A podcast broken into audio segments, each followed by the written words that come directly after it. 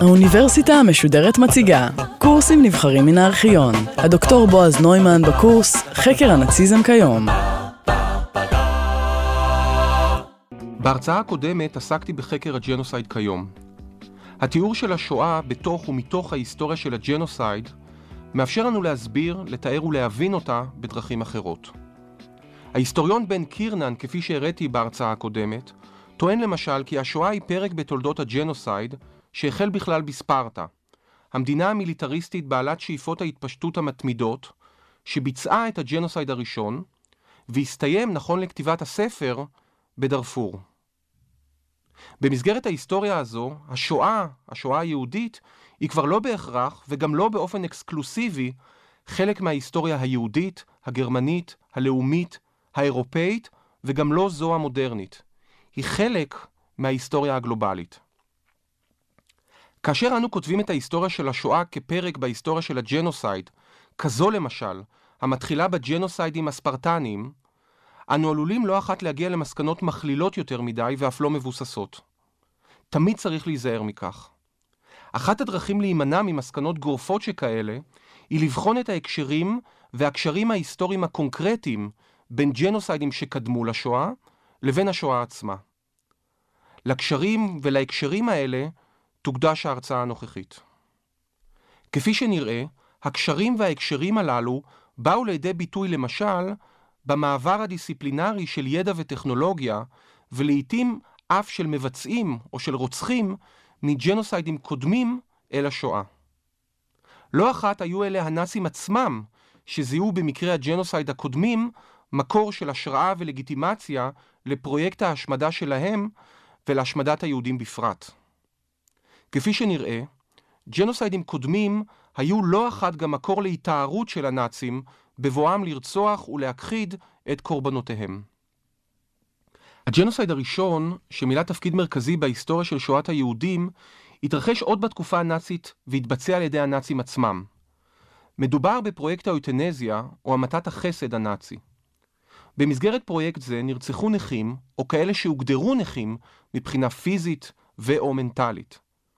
ראוי לציין כי האוטנזיה לא הייתה באמת המתת חסד שנועדה להקל על כאבם וסבלם של חולים חשוכי מרפא.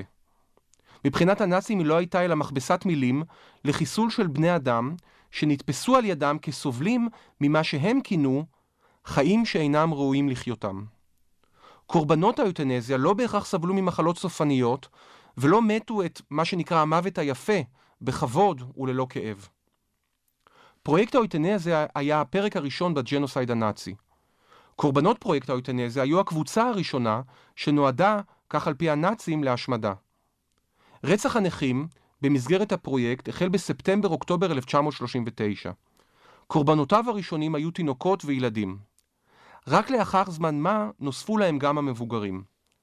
במקרה של האויטנזיה, ובניגוד לפתרון הסופי של הבעיה היהודית, מצויה בידינו פקודת השמדה מה-1 בספטמבר 1939, שנחתמה בידי אדולף היטלר. בסופו של דבר, הוקמו שישה אתרי השמדה על אדמת גרמניה. בינואר 1940 נפתח בבית כלא ישן במדינת ברנדנבורג מרכז הרצח הפעיל הראשון בהיסטוריה, כפי שכינה זאת ההיסטוריון הנרי פרידלנדר, שקורבנותיו נרצחו בו בתא גז. בסך הכל נרצחו במרכזי האוטנזיה כ-70 אלף בני אדם. באוגוסט 1941 הופסקו המטות החסד, בעיקר כתוצאה מלחץ ציבורי. בכך הסתיים השלב הרשמי של הג'נוסייד הזה. ועם זאת, הוא המשיך בגרסה פראית ולא ממוסדת. בשלב זה, מעריכים ההיסטוריונים, נרצחו עוד מספר עשרות אלפי נכים. טיעונו העקרוני של הנרי פרידלנדר הוא שפרויקט האויטנזיה לא היה רק תקדים לפתרון הסופי של הבעיה היהודית, ג'נוסייד אחד שהקדים מבחינה כרונולוגית את הג'נוסייד האחר, אלא היווה כמעט מכל בחינה שהיא את המקור ואת התשתית לפתרון הסופי. במסגרת פרויקט האויטנזיה נוסח, פותח ועוצב המכניזם שמאוחר יותר פשוט יועתק אל מחנות ההשמדה בפולין. הקשר בין פרויקט האויטנזיה לפתרון הסופי נוצר כאשר בראשית 1941 החל היינריך הימלר להתעניין אצל ראש לשכתו של היטלר, פיליפ בולר, באפשרות להשתמש בצוותים ובמתקנים של פרויקט האוטנזיה, בדיסציפלינת הרצח שפותחה במסגרת הפרויקט, לצורך רצח אסירים במחנות. פרידלנדר מציג רשימה ארוכה של מרכיבים דומים, ולעיתים אף זהים בין שני הפרויקטים. לא מדובר רק בדמיון מקרי, אלא בקשר היסטורי קונקרטי בין שני הג'נוסיידים, שהתבטא בהעברה של ידע, פרקטיקות של רצח ואף צוותים. חזות נורמלית ומטעה של בתי חולים, במקרה של האויטנזיה, וחזות נורמלית ומטעה של מחנות עבודה, במסגרת הפתרון הסופי. בשני המקרים שימשו אלה להסוות את מעשי הרצח, ועוד קודם לכן להטעות את הקורבנות. בשני מקרי הג'נוסייד השתמשו הנאצים בשפה מטעה.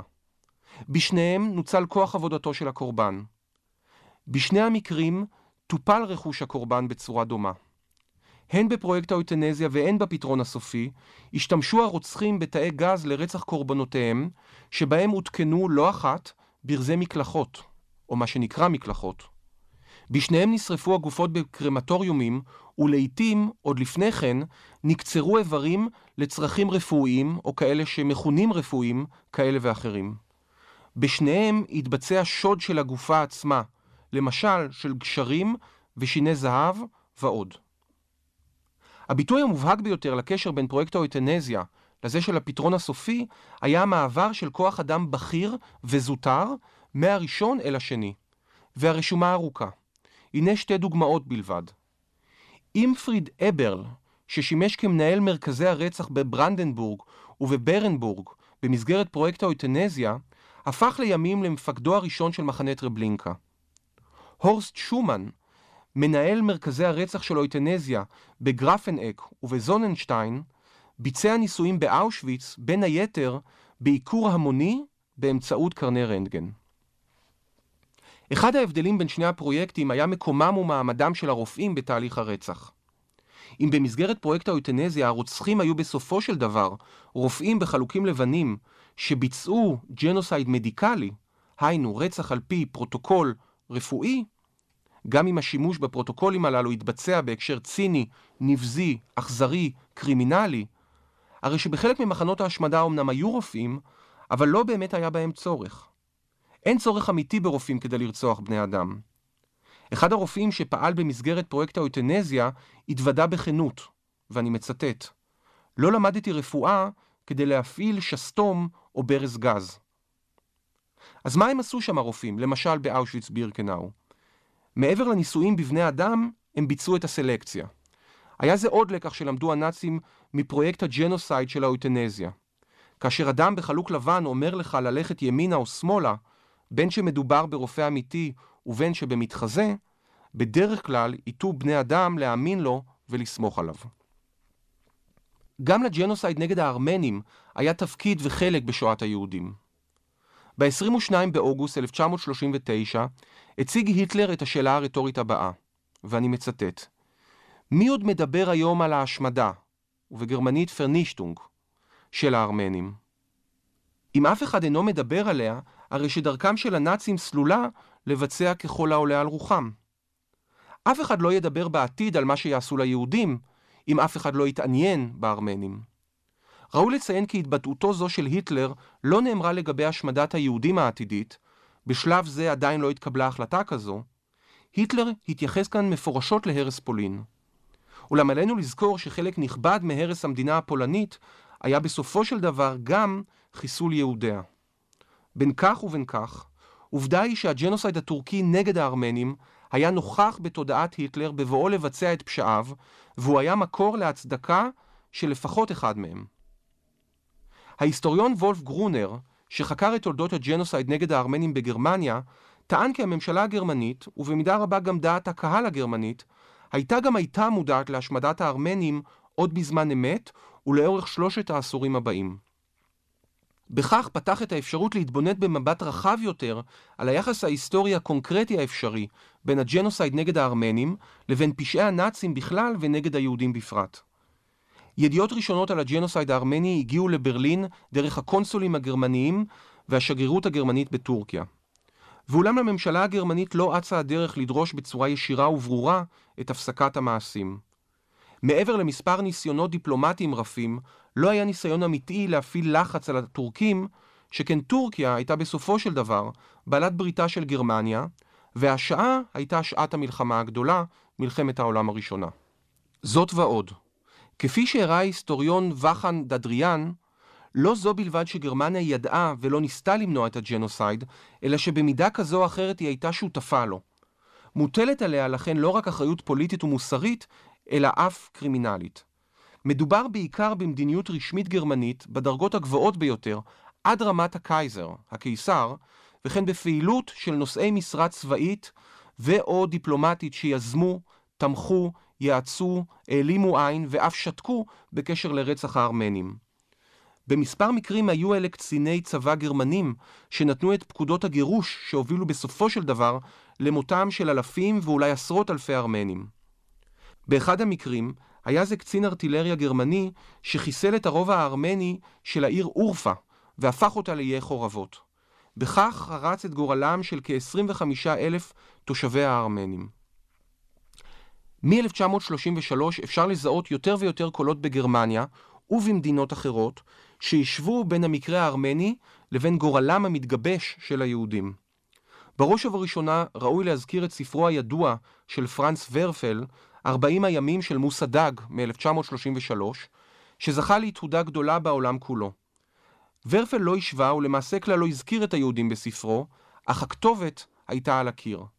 ביקורות רבות על הספר שהופיעו מחוץ לגרמניה ובין היתר בארץ ישראל, זיהו את הדמיון בין שני המקרים. בפברואר 1934 הוחרם הספר בגרמניה. אט אט הפך הג'נוסייד נגד הארמנים למקרה ההתייחסות האפשרי היחידי בבואם של גורמים כאלה ואחרים להתייחס לגורל היהודים, שהרי שתי הקבוצות חיפשו מקלט. הקהילה הבינלאומית התעלמה ואף בגדה בהן. הן היהודים והן הארמנים לא הבינו בזמן אמת את הצפוי להם. ספרו של ורפל אומנם הוחרם בגרמניה, אך עדיין נקרא גם על ידי יהודים בהיחווה, אפילו בגטאות. לחלקם ככל הנראה, הוא אף שימש השראה למעשה ההתנגדות. לא רק ג'נוסייד נגד הארמנים היה מקור השראה ולגיטימציה לפשעי הנאצים. כאלה היו גם מה שהנאצים תפסו כג'נוסיידים שביצעו האימפריות הקולוניאליסטיות הגדולות, ובראשן בריטניה, צרפת ובלגיה, נגד האוכלוסיות המקומיות. ראוי לציין כי הזיהוי הנאצי את מעשי ההרג והרצח בקולוניות כג'נוסייד אינו ייחודי רק להם, והוא טענה מקובלת כיום על היסטוריונים רבים. היטלר עצמו התייחס לתקדים הקולוניאלי בכל האמור לגבי מדיניותו במזרח. ב-17 בספטמבר 1941 טען היטלר כי המאבק הגרמני על הגמוניה בעולם יוכרע רק אם תשכיל גרמניה לתפוס את הטריטוריה הרוסית. אולם טריטוריה זו, כך היטלר, מאוכלסת על ידי העמים הסלאבים. הטריטוריה הרוסית היא ההודו שלנו, קבע היטלר. ובדיוק כפי שהשלטון האנגלי שלט על הודו באמצעות קומץ אנשים, כך אנו נשלוט על טריטוריה קולוניאלית זו שלנו. אנו נספק לאוקראינים כיסויי ראש, שרשרות זכוכית כתכשיטים, ואת כל מה שילידים קולוניאליים אוהבים.